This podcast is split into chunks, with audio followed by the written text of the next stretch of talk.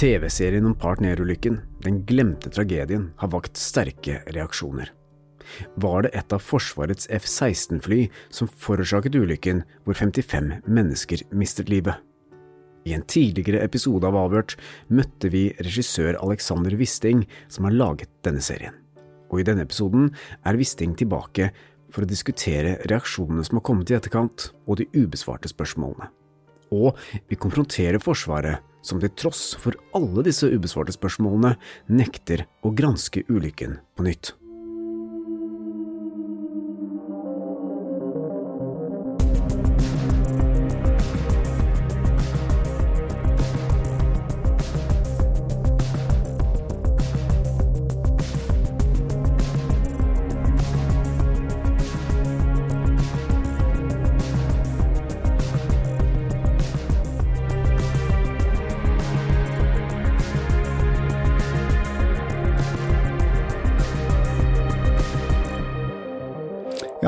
Vi har jo invitert deg tilbake i studio, for nå har jeg jo sett denne dokumentaren om partnerulykken, alle tre episodene. Og jeg sitter jo igjen med noen eh, spørsmål her som jeg håper kanskje du kan svare på. Men det som er interessant, er jo at etter at denne serien ble vist, så har jo har det skjedd litt eh, på din side også, som vi gjerne vil høre om. Men aller først, episode tre, når dere konfronterer Forsvaret med disse opplysningene om at det kan ha vært en F-16-jager som var med på å få dette partnerflyet til å styrte. Så reagerer jeg jo litt på den ene F-16-piloten som uttaler seg, som sier at uh, han har liksom behov for å fortelle hvor ærlig han er. Altså, vi som flyr F-16, vi er oppdratt til å være så ærlige. Men min erfaring er at folk som må si at de er ærlige, er kanskje ikke så veldig ærlige, eller hva tenker du? Nei, vår opplevelse var jo at det var relativt spesielt utsagn i en, et sånt type intervju. Uh, kan si at hele opptredenen til Forsvaret i denne serien her har jo vært spesielt, og dette på en måte var Jeg tror det var det siste intervjuet vi gjorde med Forsvaret, og det toppa vel egentlig lite grann kaka. Og, og ting er jo utsagnet at du hevder at fordi man er trent, eller er plukka ut fordi man er så ærlig, så kan man altså ikke gjøre feil.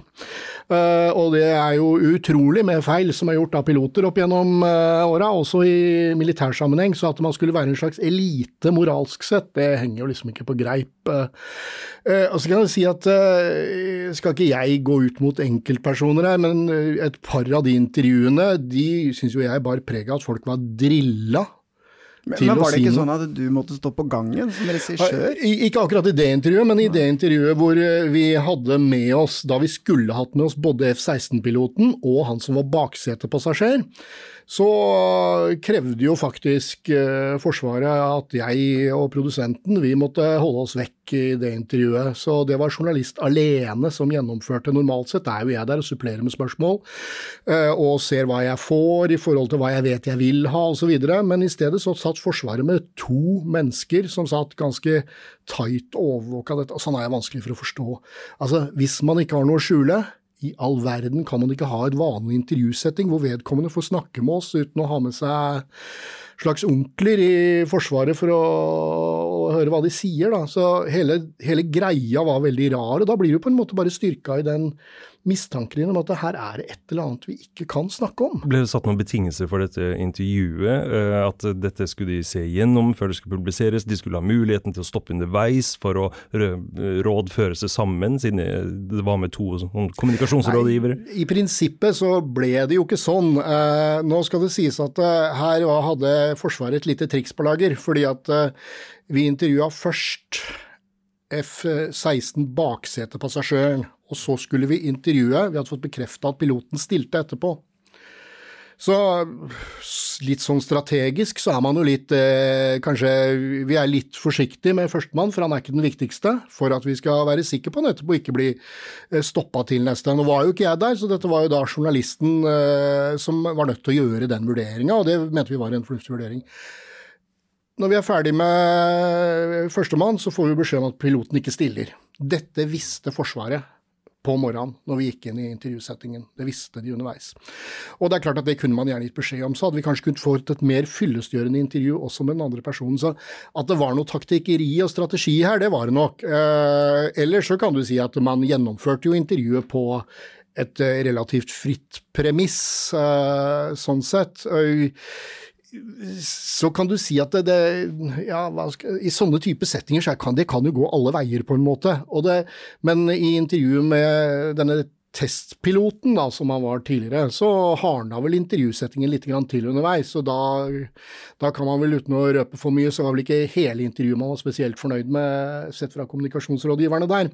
Og selvfølgelig, de fikk jo ting til gjennomsyn, og samtidig imøtegåelse, hadde en del innsigelser. Vi valgte å la noe av det bli endring, men selvfølgelig, ellers så gikk vi jo for som det var. For vi mente jo vi vi mente jo vi hadde fått intervjuer som egentlig var ganske gode uh, allikevel, selv om vi følte jo at de var eh, noe avslørende i forhold til at man rett og slett Jeg er liksom usikker på hvor sant folk snakker her, altså. Mm. Men hva var årsaken, unnskyld, altså, men hva var årsaken til at uh denne F-16-piloten som fløy dette flyet, at ikke han ville stille til dette intervjuet? Fikk dere noen begrunnelse? Nei, vi har ikke fått noen ordentlig begrunnelse der. Det, og det er jo for så vidt fair nok at vedkommende ikke vil stille, så jeg laster ikke han for det overhodet. Eh, men vi fikk ingen begrunnelse.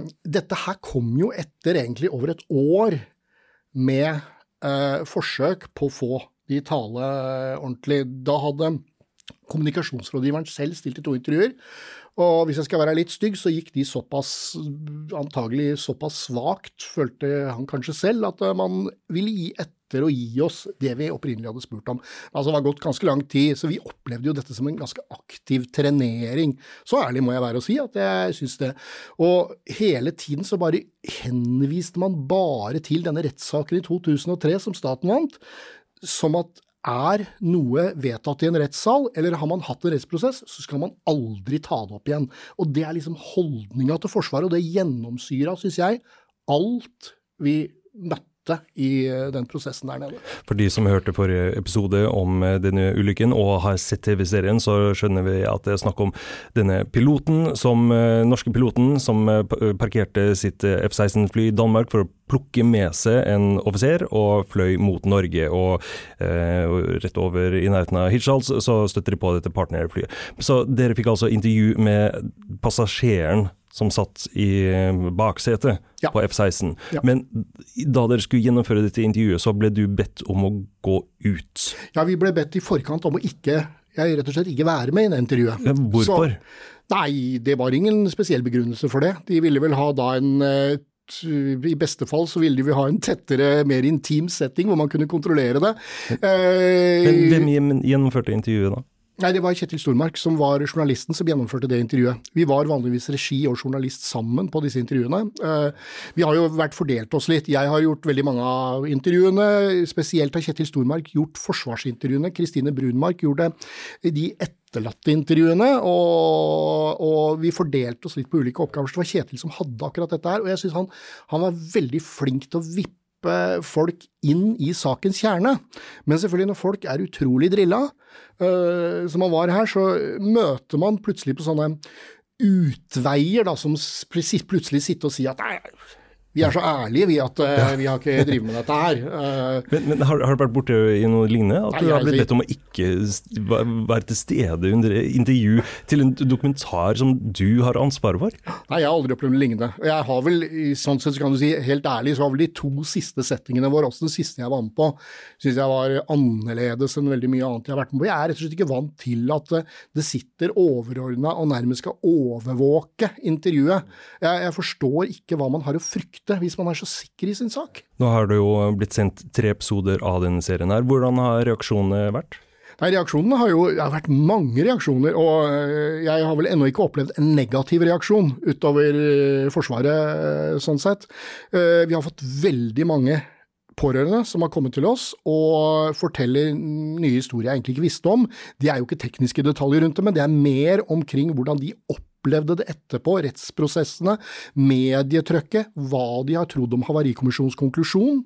Og det er alt fra enken etter den andre piloten, den ene som fortsatt lever, og til uh, Wilhelmsen-etterlatte. Så har det jo i tillegg kommet opplysninger fra flyvere vi har snakket med, som ringer altså, eller sender e-poster om at de ikke tror noe på dette her, og bemerker en del eh, eh, ganske gode poenger. Det har i tillegg kommet eh, noen dokumenter som eh, definerer tydelig at Forsvaret ikke snakket sant eh, etter ulykken, når de på en måte definerte seg ut av luftrommet i første omgang. Hva slags dokumenter da? Nei, Dette dreier seg bl.a. om dokumenter fra radarstasjonene, hvor man helt tydelig skriftlig skriver at det ikke var noe annet enn et Bråtens-fly i det luftrommet på den tiden. Det var jo en F-16 her, og dette var også det samme som Forsvaret etterpå da hevda med styrke på TV, så man måtte rygge tilbake fordi pressen gikk uh, deres talsmann hardt i sømmene. Og uh, altså dette var, du kan si at det, det, er jo kjent at Forsvaret snakka usant til å begynne med. Nå mener jo dem at det er semantikk, fordi at det var ikke et militært tokt, på en måte det flyet var, for det var et transportetappe, men for folk flest så er det jo ikke noe tvil om at dette her var, uh, var, var en F-16 som var der. Det er et militært fartøy uansett, med en militær kapasitet, i den grad at det har en hastighet, mulighet til å gå gjennom lydmuren osv. Så, videre. så har det også kommet flere bekreftelser på uh, noe som for så vidt er litt spennende rundt at det lå en Avax-maskin en, altså en, fordi det var en Nato-øvelse, så lå det et overvåkningsfly der. Og vi har hele tida, og vi har sett dokumenter på det tidligere, vært, uh, vært, ganske sikre på at det mangler en del minutter. På akkurat når jageren uh, passerer, så mangler det radarmålinger for noen minutter. mangler altså tre essensielle minutter. Og vi forstår ikke hvorfor det har mangla der oppe. Og, og, og, vi har per definisjon, og mener jeg for 100% bekrefta at det faktisk er tilfellet, at det ikke er til stede. Det må, ja, Man kan gjerne henvise til teknisk feil, men det ville være overraskende. Men, der, men har, de, har, de, gjort det? Har de henvist til ja, Det er jo det man har gjort hele tiden, at det her må det ha vært en teknisk feil eller lignende. Men, men, mangler det fra noen andre tidsrom, da? Tre Nei, minutter egentlig, her og tre minutter det gjør, der? Det gjør, det gjør egentlig ikke det. Uh, så du kan si at det, det er så mange sammenfallende omstendigheter her som gjør dette så vanskelig å tro på. Eh, og så har vi igjen altså Vi har tidsvitnene på radarstasjonen på Måkerøy. De to vernepliktige som satt der og fulgte, nettopp fordi det var en Nato-øvelse, og fulgte dette dramaet her, og bekrefta at disse flyene smelta sammen på et eller annet tidspunkt på radar, og at jageren hadde hatt overlydshastighet. Selvfølgelig, altså det, er, det, er, jo mange mange detaljer, og man skal ikke slå seg ned i det, men jo flere nå bekreftelser som kommer inn, jo flere små brikker i dette puslespillet, så begynner jeg, begynner jeg, i hvert fall å se konturene av at man har prøvd å skjule temmelig mye i den sammenhengen her. Men jeg bare lurer litt, hvor vanlig er det at Avax overvåkningsfly plutselig har tre minutter blackout Nei, altså, i overvåkningen sin? Er det noe som skjer stadig vekk? Eller? Nei, det er jo noe ikke ingen vi har snakka med eh, ser jo på det som særlig sannsynlig, at det skulle skje stadig vekk. Og så kan du si det kan godt hende at det finnes enda flere radarmålinger og enda flere ting som ikke er kommet fram ennå, men det er i hvert fall det vi har fått uh, mer og mer bekreftelser på. Så, du kan si at, så hvis du tenker at Forsvaret hadde jo på en måte åpenbart en interesse på å fjerne den jageren fra luftrommet i første omgang. Helt oldent. Det som er like oppsiktsvekkende, er jo egentlig at Havarikommisjonen underbygget dette egentlig i veldig stor grad. Altså, de problematiserte jo overhodet ikke denne jageren, og det, den uh, samtalen jageren hadde med flykontrollen, hvor altså han snakker om en airliner rett, i, rett på trynet. Og uh, Det vi også har fått en del reaksjon på, er egentlig rett og slett folk som mener at Havarikommisjonen uh, så bevisst hadde et ønske om å holde dette forsvarsflyet unna, og at det var altfor sterke bindinger mellom denne havarikommisjonen og Forsvaret. Det var mange forsvarsfolk som satt der. Et, altså, eh, han som var leder for havarikommisjonen, ble jo senere skvadronleder også i Forsvaret. Og eh, det er noe med denne sammenblandinga her som bare trer sterkere og sterkere frem, syns jeg, ettersom nye opplysninger kommer til, og ettersom vi også får bearbeida materialet enda mer. Men jeg må bare spørre om en ting, for da jeg så dokumentaren, så var det også snakk om Det var en annen ekspert som mente at uh, det så ut som det hadde gått et missil ja. tvers igjennom flyet og de fløy jo i et Nato-øvelsesområde. Mm. Kan ikke du fortelle litt om det, for da da. ble jeg jo litt nysgjerrig. Ja da, og dette, vi tok med denne teorien. På en måte så behandler vi egentlig tre ting. Vi behandler Havarikommisjonens rapport og prøver å ta den fra hverandre, og prøve den så godt som mulig. Så er det jo F-16-jageren, som vi mener er liksom et helt essensielt spor her for eventuelt å finne ulykken. Men det fins et annet alternativ uh, av én grunn. Og eh, det er jo spesielt én fagmann som eh, har sett veldig mye på det. Og det, det, er, ikke, det er ikke nødvendigvis far-fetched egentlig, fordi at dette ble diskutert i utgangspunktet også av fagekspertene. Det var jo, eh, det var, det var jo annet Luftfartsverket var jo rett og slett på fjernsynet kort tid etter ulykken og sa at det måtte ha vært en eksplosjon eller en bombe. ikke sant? De var jo, var jo framme med det sjøl. Og det var fordi at eh, man mener å ha sett en, altså at det er et spor i skroget hvor også skrogdelene er bøyd innover. I tillegg så finnes det spor, rester av sprengstoff. Eh, Det var to engelske rapporter som hadde gått gjennom dette. Den ene har vært hemmeligstempla, er det fortsatt, og den andre snakker om små funn av det. Eh, Det var en, en av de henvendelsene jeg har fått, dreier seg om akkurat dette. her. Det er en flyver som eh, er veldig tydelig på det. Så er det noen, eh, faktisk noen danske fiskere som har vært ute, som lå i det området der. Og de mener at det ble skutt i det tidsrommet, og har alltid tenkt at det var det som forårsaket det. Altså disse, disse drønnene, som også lydmursbraket som man mener man hørte når jageren gikk opp, eh, det er jo masse vitneobservasjoner i Skagen og disse lydene. Og Havarikommisjonen eh, definerer det som at det er når flyet ramler ned. Men mange av disse er tidsmessig passer nok bedre med annen aktivitet. Eh, og, og det er jo et faktum at det oppsto en sky som var synlig på radarene lenge etterpå, som disse fagfolka som støtter den teorien, altså kall raketteorien, for det var ikke en rakett med sprengstoff i, dette var en øvelsesmissil i så fall, Eh, og den skya ble liggende lenge i radarbildet. De mener at den skya er altfor stor til å være det Havarikommisjonen kaller eh, honeycomb-belegg, som eh, var spredt utover da flyet gikk i oppløsning. Og, og, så det finnes selvfølgelig noen støttepunkter for det, men det som man konkluderte med den gangen, det var at disse sprengstoffrestene, det var kontaminering. Eh, fra at restene ble plukket opp på militære skip osv. Altså at det kunne være smitte derfra. Ja, det, etter de plukka opp delene, Ja. vrakdelene, så skal eh, disse sporene være synlige. Men eh, hvis man skulle fulgt den teorien, det er jo enda verre igjen enn at uh, partnerflyet skal ha blitt påvirka av eh, en trykkbølge fra Ja, ja, ja, altså, F-16-flyet. altså, det, det- det ville vært helt katastrofe. skutt? Altså, om det ble skutt ned. Dette er jo det verste av alt. Og jeg, jeg, jeg, er selvfølgelig, altså skal jeg være helt ærlig, så var vi veldig redd for den teorien. Vi vurderte å ikke vi bruke den teorien. Men det er, det er, det er en del vitner som er sånn at man hevder det. Og derfor ville vi åpne for det, nettopp fordi at det, kommer ofte inn ting når man begynner å røre i dem. Uh, og, og så kan du si at uh, av disse to rapportene så er fortsatt én hemmeligstemplet. Hvorfor er den det? Det hadde vel vært ålreit å få sett innholdet i disse. Nå har det jo vært tilfeller eh, hvor faktisk også fly har blitt skutt ned, så det er vel ikke sånn at det ville vært første gang i historien det skjedde.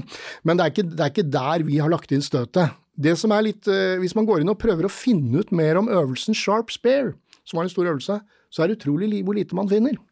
Så jeg håper jo at noe av det vi, når vi jobber videre, så jobber vi faktisk videre med egentlig å være åpen for alle muligheter. Vi har jo ikke konkludert i denne serien i hele, hele tatt, og det er jo litt viktig.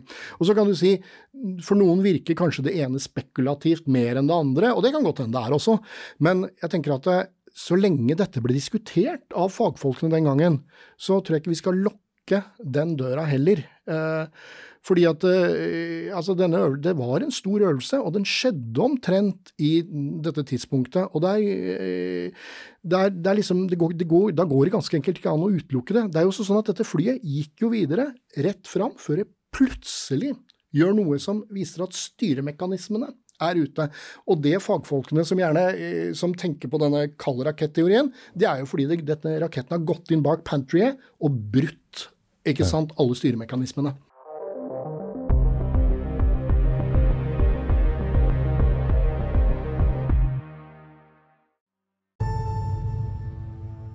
I disse dager er vi også ute med vår helt nye podkast Grenseløs med Stein Morten Lier og Jonny Haglund. Jeg heter Jonny Haglund og har i 30 år reist verden rundt til steder du antakelig aldri har vært. Så er det folk vet du, i det fjerne. Jeg ser det brenner inn i jungelen her. sånn røyk. Det har vært varmt, vått, skummelt, kaldt, slitsomt og til tider svært krevende. Men mest av alt har det vært fantastisk natur Herlig å våkne om morgenen i jungelen. Masse lyder. og utrolige menneskemøter. But he has the, the dead body to his family for eating. Nå deler jeg noen av mine opplevelser i podkasten Grenseløs. Oi, oi, oi. Grenseløs kan du høre helt gratis alle steder hvor du finner podkaster. Du, du sier at man ikke kan konkludere, men uh, Flyhavarikommisjonen og militæret har jo konkludert. De har konkludert med at dette flyet nærmest gikk i oppløsning av seg selv opp i lufta pga. noen falske bolter. Men Ja. du, du har blitt kontakta av en del eh, piloter i etterkant av denne serien. Hva sier de om Ja, nei, den? det, altså, jo, jo flere som bryr seg om dette og setter seg inn i det, jo, flere, eller jo færre sier jo at det er mulig. De fleste sier at det skjer ikke, det ramler ikke ut på den måten. Altså, det, var vel, det var vel en som eh, kontaktet meg som snakket om eh, hva en sånn bolt kunne tåle, selv om han ikke var herda. Og det er klart at det, her, er det, her er det gjort så mye, og det er mange detaljer igjen her som blir veldig tekniske. Vi går litt gjennom en del av det viktigste i serien, eh, og det har noe med klaringer mellom bolter og hylser og sånn, som faktisk har vokst fra rapportene egentlig Havarikommisjonen bygde på, til deres egen rapport. Altså, det er ikke konsistens i det. Og eh, hele dilemmaet her var at Havarikommisjonen lagde enormt med spor. De la ut altså om to måkefjær, men den problematiserte ikke jageren som hadde noe rett på trynet. Uh, Hva, hva, var greia med disse måke... Nei, det var jo, altså, denne rapporten er grundig, Ja. men følelsen når du sitter og leser den rapporten, er skrevet innimellom for at den skal være så ut, nesten eh, villedende like mye som skal være klargjørende. Det er faktisk min oppfatning i dag, og det er den reaksjonen jeg får fra mange av de som faktisk hadde lest denne rapporten og syns den var en, en oppvisning i temmelig mye rart. Ja, mange, da- mange sider og mange ord. ja, mange sider sånn. og mange mange Ja. ord. Og det er dette at man antyder hele tiden om andre ting. Og eksempel dette med sant, flyselskapet hadde så dårlig økonomi, det gikk konkurs. Det gikk jo konkurs fordi flyene ble satt på bakken etter ulykken. Og de hadde gjort den store servicen på flyet, den hadde de gjort før. Lenge før tiden. Så normalt sett, hvis du har så lite penger at du så vidt klarer å holde flyet i lufta, så gjør du jo ikke servicene dine i forkant. Eh, og man pekte på en måte Man blandet inn Sånn så, for meg ser det nesten ut som man driver på og legger ut masse leads mot andre ting for egentlig å holde seg unna hva som kanskje kunne vært den uh, reelle årsaken, da. Det men det er stort og omfattende, og vi mener jo at vi har manøvrert oss sånn relativt forståelig gjennom det i denne serien, men det er selvfølgelig mye mer til dette her enn det vi klarer å vise fram. Men det jeg også beit meg veldig merke i da jeg så dette her, var jo rett og slett at denne testpiloten, da, eh, som eh, fortalte at han var så ærlig, han eh, sa jo det at det var ikke mulig å, å ta en F-16 ned 2000 fot og opp igjen på 25 sekunder. Men så har dere intervjuet andre F-16-piloter som sier at det bare er tull. Hva tenker du om det? Ja, altså, Dette er en påstand som ble framført også i retten i 2003-2004.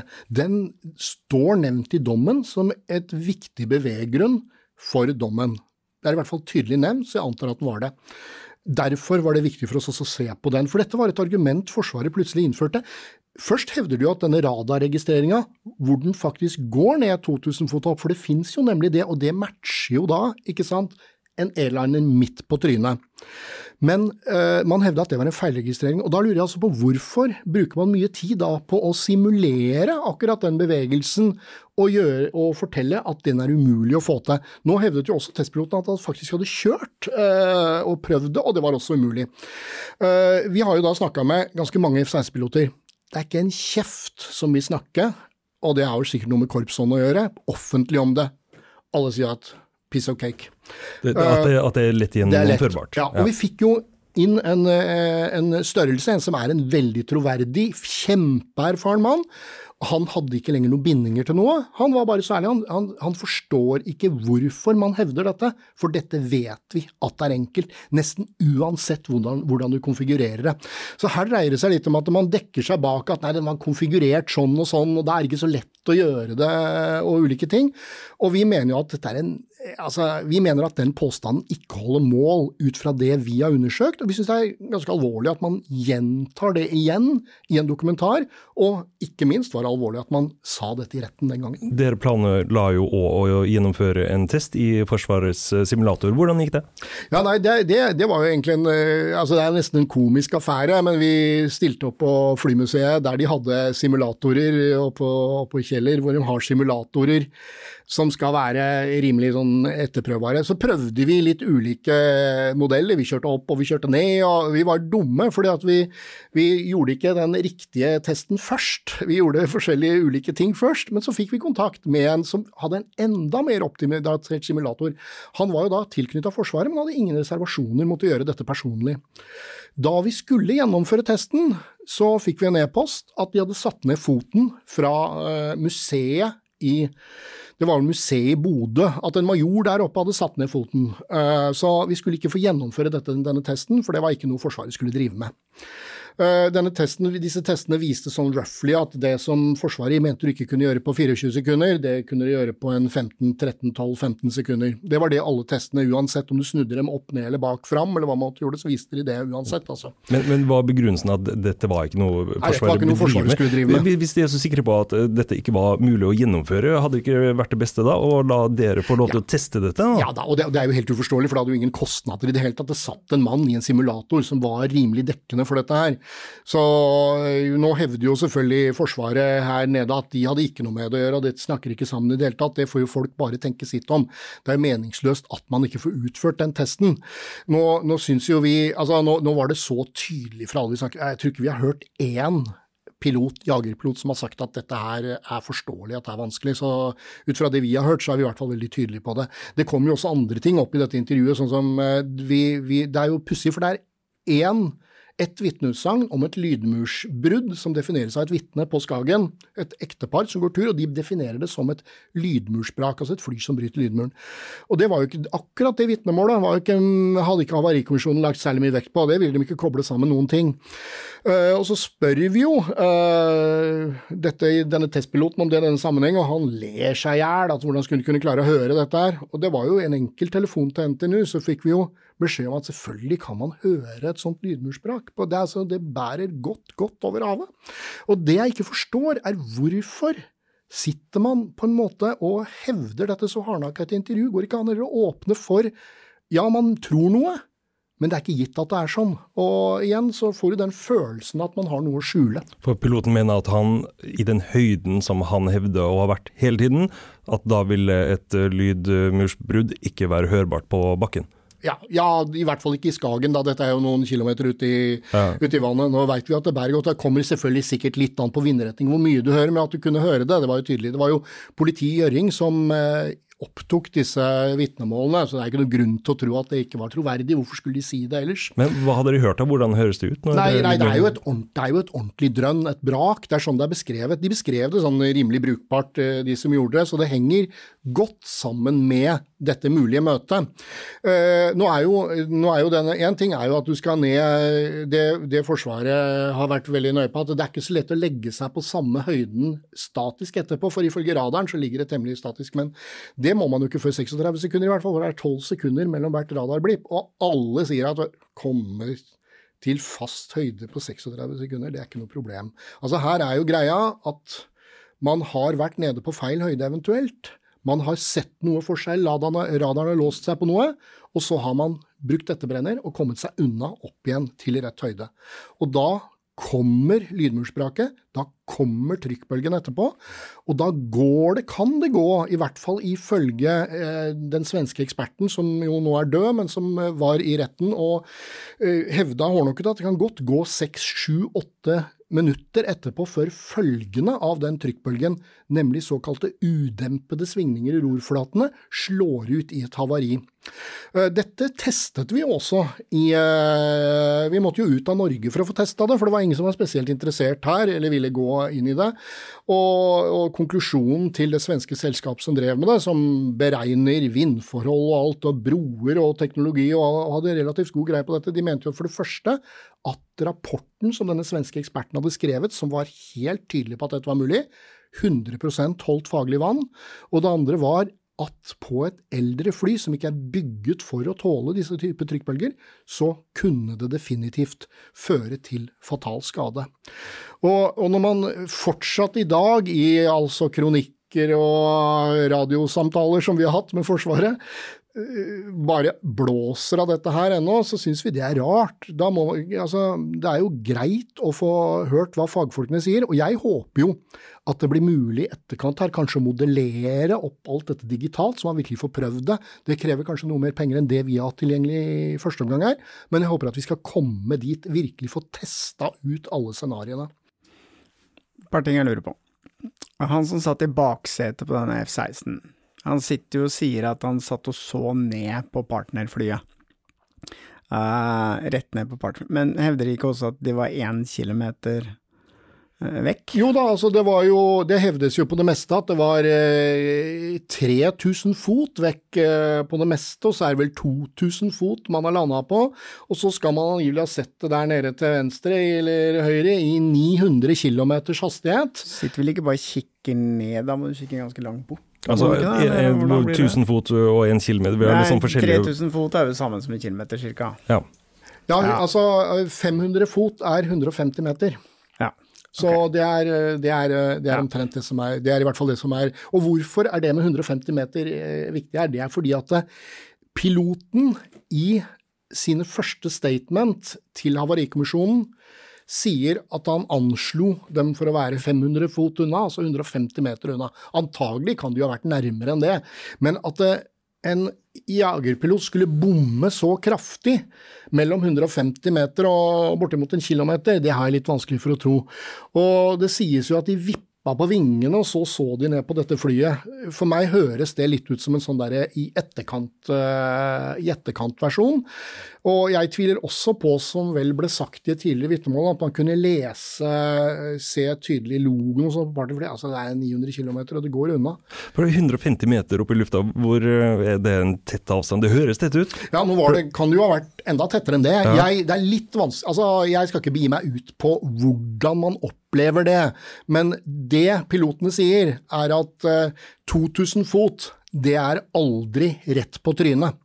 Det er det de vi snakker med sier. Og det er kanskje det aller viktigste for oss. Ja. At den, det, det, den avstanden de definerer at det var i, det henger ikke sammen med å ha fått en airliner rett på trynet. Men det vi vet, er at vitneutsagnene har endra seg fra starten til man kom i retten, og sannsynligvis et eller annet punkt imellom der, hvor på en måte alle helt åpenbart er blitt enige om hva som er en historie. Eh, og det reagerer vi selvfølgelig også på. Du har jo en svensk radaroperatør som har en observasjon tidlig hvor han antar og det finnes det jo eh, dokumenter på, antar at, at eh, F-16-maskinen har vært litt under partnermaskinen. Eh, og det kan jo stemme med disse radardataene. Men selvfølgelig, usikkerheten i radardataene er store. Derfor er utsagnet rett på trynet et ganske vesentlig bevis i den saken her, som jeg, jeg syns det mangler gode forklaringer på å komme seg unna. Men Alex, jeg må jo bare spørre deg, være litt sånn djevelens advokat. Du har jobbet med dette her i lang, lang tid, jeg har brukt mye penger. Jeg er sikker på at ikke du liksom ser spøkelser på høylysdaga fordi de gjerne vil at det skal være noe gærent? Nei, egentlig ikke, for å være helt ærlig. Hvis vi hadde eh, fått data på dette som fullstendig frikjente den F-16, så hadde jo også det også vært en interessant oppdagelse. Altså, Vi har jo egentlig vært mest, i første omgang mest opptatt av havarikommisjonsrapporten, for vi mener at det er den som er den store svakheten i alt dette her. Den er veldig omfattende, men den har neppe funnet svaret. Og vi synes jo, når man legger denne tidslinja etter hverandre, når man legger statens måte å tolke det på, så i 1997 så var det en rettssak hvor etterlatte gikk mot Luftfartsverket fordi de hadde tillatt et fly som var i for dårlig stand å fly. Den tapte de etterlatte, og da sa representant for regjeringsadvokaten at Havarikommisjonen ikke hadde funnet svaret. Derfor kunne ikke Luftfartsverket lastes eller gi noe erstatning. Så kom vi til 2003. Samme embete bygger hele saken sin på at Havarikommisjonen har 100 rett, og derfor er alt annet uh, tøys. Så problemet ligger i Havarikommisjonens rapport i utgangspunktet, at den så bevisst unngikk å belyse og undersøke skikkelig de ulike scenarioene, og bestemte seg kanskje tidlig for en, uh, en, konklusjon. Og Det betyr ikke at ikke det kan ha noe for seg. Og som sagt, vi har jo ikke sittet og satt to streker under svaret, men vi er veldig opptatt av at vi er åpne hele veien for både nye innfallsvinkler, men det er jo litt sånn når du jobber med det, så øh, opplever du jo ulike ting. Da, da blir du på en måte mer styrka i at her er det noen som skjuler noe, her er det noen som ikke, i hvert fall ikke vil at hele historien skal fram.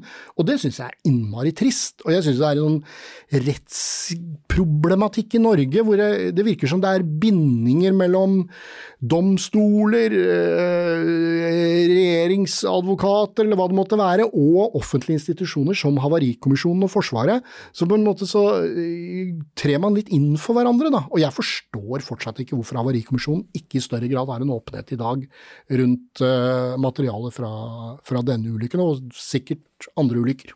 Når det spekuleres i at ting holdes skjult, og du mener at du ikke har noe å skjule, så burde det være helt uproblematisk og det aller, aller lureste å bare legge alle kort på bordet. Se her, det er sånn det henger sammen. Men det har de ikke gjort. Nei, det har de overhodet ikke gjort. Det har jo vært tvert imot. Altså, man måtte til statsforvalter for å få fortgang på prosessens havarikommisjon, og Forsvaret har jo vært helt entydige hele tiden.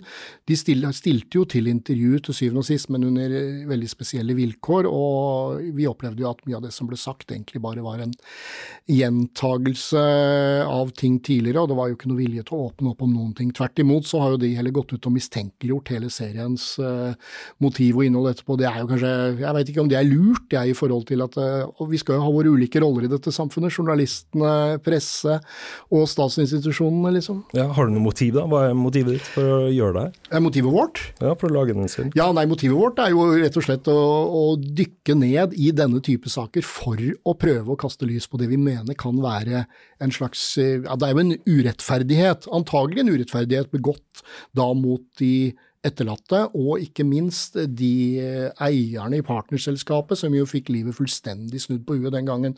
Og Jeg synes kanskje man skylder en del av disse i hvert fall å være åpne, ikke fordi man kanskje endra man opp på samme konklusjon til syvende og sist, men det er vel et, eh, jeg kan vel si at det har vel vært et mål for oss alle at hvis denne saken kunne bli granska av disse institusjoner uten bindinger, så mener jeg at vi har oppnådd veldig mye. Og hvis du ser på Tengs og Baneheia og disse sakene, så har man jo faktisk funnet nytt ved å tørre å gå åpent inn i det som var etablert som en sannhet.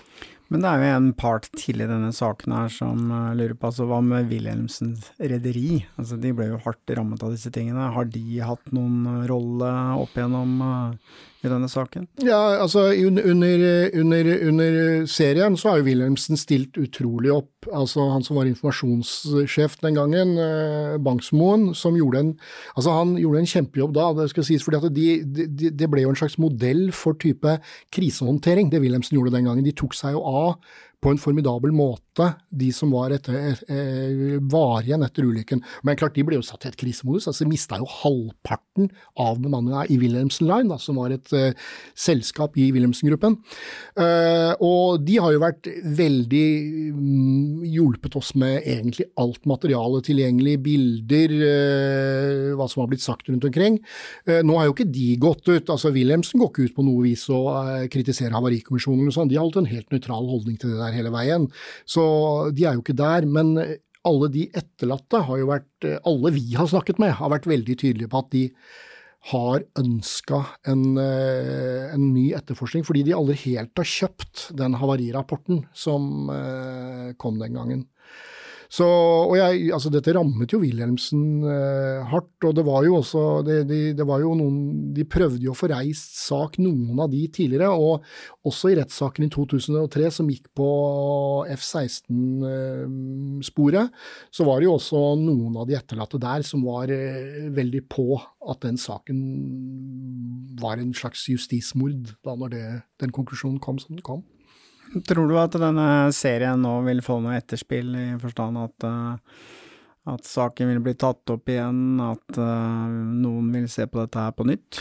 Det håper jeg. jeg. Det som har skjedd i det siste, er, er så mange krefter nå som egentlig tilbyr seg ulik type hjelp for å komme videre. Det er etterlatte som stiller tida si til disposisjon, vil gjerne banke på dører. Det er advokater som har vært involvert i dette tidligere, som mener at det har vært begått en urett. Og jeg tror at med alle de kreftene på laget, for vi har jo ikke tenkt å gi oss, så tror jeg vi skal komme litt nærmere sannheten. Det er det jeg håper uansett hva den måtte være. Hvis man skal få til en uavhengig granskning av det her, hvem er det som bestemmer at det skal bli gjennomført, og hvem er i så fall som skal utføre den? Nei, da, Det er vel, altså, den, det er jo Havarikommisjonen i dag eh, som må ta stilling til det, og det de gjør, så vidt jeg har forstått på dem, er jo at det må komme nok vektige argumenter til det. Nå vet ikke jeg hvordan de undersøker og legger opp det, om det må være en konkret juridisk henvendelse på det, det kan det hende det må være.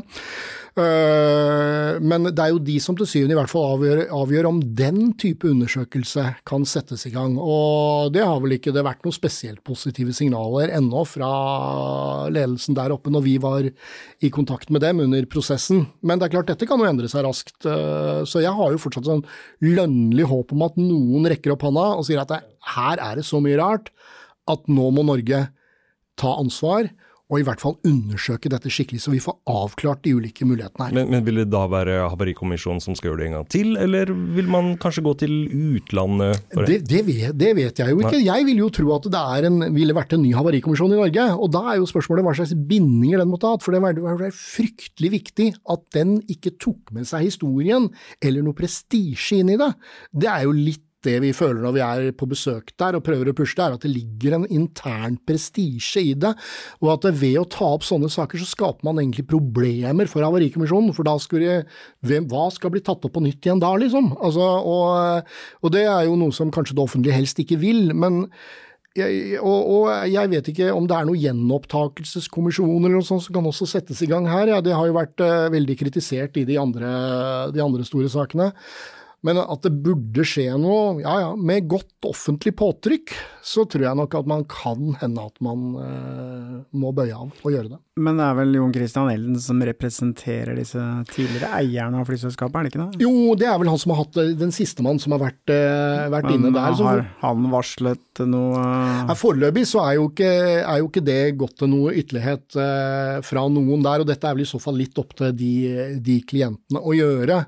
Eh, så det er jo spennende å se om det kommer, trengs noen direkte juridiske initiativ for det, eller om det er noe som man tar opp gjennom flere funn. For jeg tror vi kommer til å få flere funn. Jeg tror det kommer til å komme ting ut av skapet uh, i den tida som kommer, og uh, jeg håper jo at vi da skal klare å kaste et enda bedre lys på det.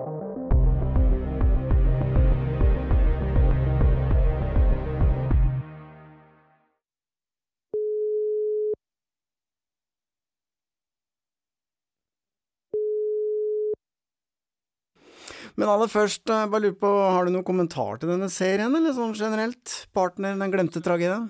Jeg syns det er uh, litt trist, rett og slett. Det er vel kommentaren min uh, i hovedsak. Jeg syns at de spekulerer i ting som har blitt ettertrykkelig lagt død av lagmannsretten. Og, og jeg syns det er unødvendig å rippe opp i og sånne sikkert sår for pårørende. da. Så du mener at eh, det ikke er noe som helst hold i de eh, påstandene som kommer fram i TV-serien? Overhodet ikke. Overhodet ikke. Du hører jo at denne F-16-piloten sier at han fikk denne e-lineren rett på trynet. Og så sitter jo da en annen pilot i baksetet, som jeg forstår var litt sånn sikkerhetsansvarlig på Rygge. Men ble det skrevet noen rapport i etterkant da de landet? Altså hvis du liksom Ikke som jeg er kjent med. Og, og, og selv om de har jo klart å lage det der veldig dramatisk. Han, han som satt i baksetet, har jo i ettertid også sagt at det var en sånn unødvendig kanskje ordbruk da, mellom, mellom piloten og, og kontrolleren. Eh, men, eh, og at det kan liksom oppleves som at det er nærmere enn det faktisk er, da. Ok, men bare, det høres jo litt sånn dramatisk når du sier at uh, hva var den airlineren jeg fikk rett på trynet. Burde ikke det ha liksom utløst en eller annen Nei, hendelsesrapport? Ja, ideelt sett så burde det sikkert det, for det hadde vært mye lettere hvis hadde, vi hadde hatt noe skriftlig nå i ettertid. Men, men, men eh, jeg tror ikke det er uvanlig det at man Jeg tror det var en irritasjon over at han ikke hadde blitt fortalt at det kom en sivil airliner på samme kurs, da. Selv om de var, om de var liksom separert i høyde og bredde og sånn. Så jeg tror det var mer det. Eh, liksom, og på den tiden så kan det tenkes at det var sånn iboende eh, Litt sånn gnisninger mellom kontrollere og flygere. Som ikke jeg kjenner til, men, men som, som er, kan være med på å liksom forklare hvorfor man brukte de ordene man gjorde. da.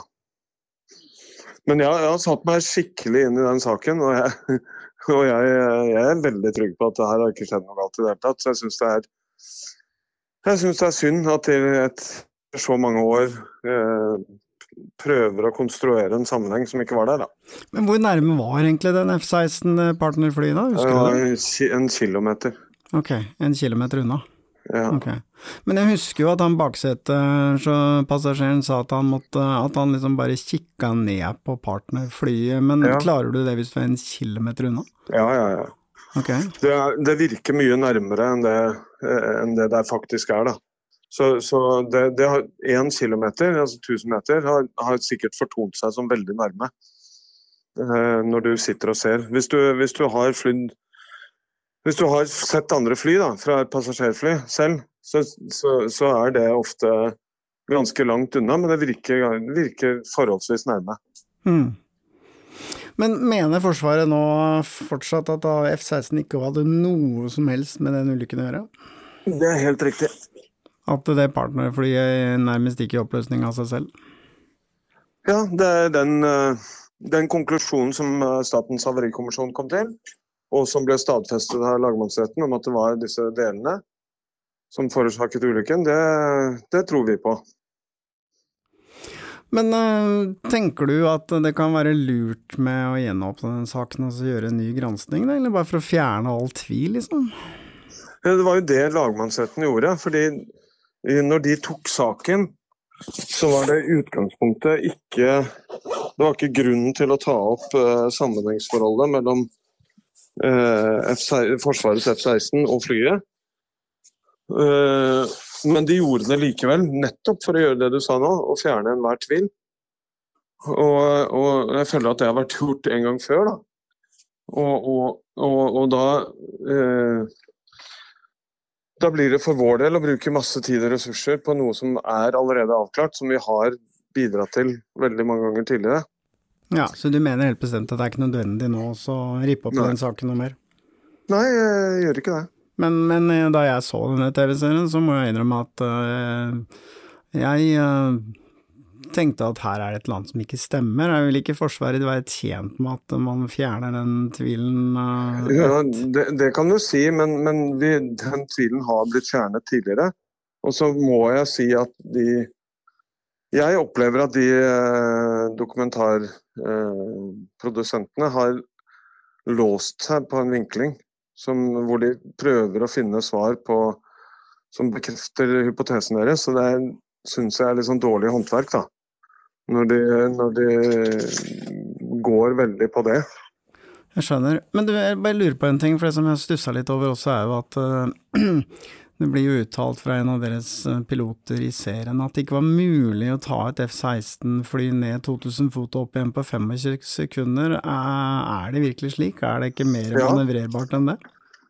Eh, Det er jo veldig manøvrerbart, men, eh, men eh, jeg stoler på han Frode Evensen når han sier at det, dette er faktisk ikke mulig.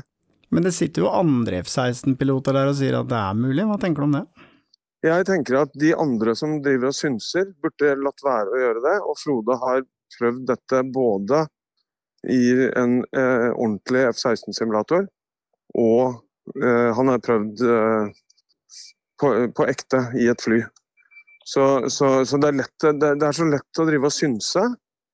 Og, og, eh, jeg mener at de andre burde holdt seg for gode til å drive med det. Okay. Og, altså, virkelig ikke i skjule. Altså, jeg har sånn på bakgrunn, da. Jeg har jo liksom lagt, lagt meg selv ganske laglig for hugg når det gjelder den saken her, ved å gå ut såpass bastant. Men det gjør jeg fordi at jeg er helt sikker på det. Ja, ok. Så bare for ja. å fjerne enhver tvil.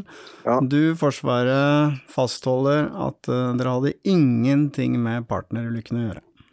Det er riktig. Ja, det her var altså brigader Eistein Kvarving, som er kommunikasjonssjefen for forsvarssjefen, som sier at denne dokumentarserien er spekulativ og laga på en dramatisk måte.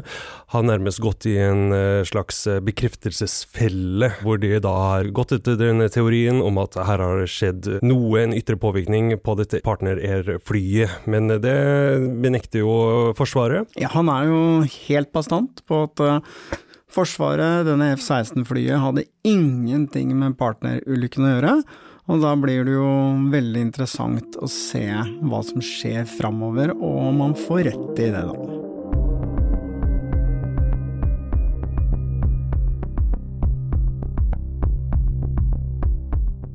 Avhørt er produsert av Batong Media. Redaksjonen vår består av Stein Morten Lier, Helge Molvær og Lars Christian Nygårdstrand. For å komme i kontakt med oss eller se eksklusivt innhold, søk opp Avhørt på Facebook og Instagram.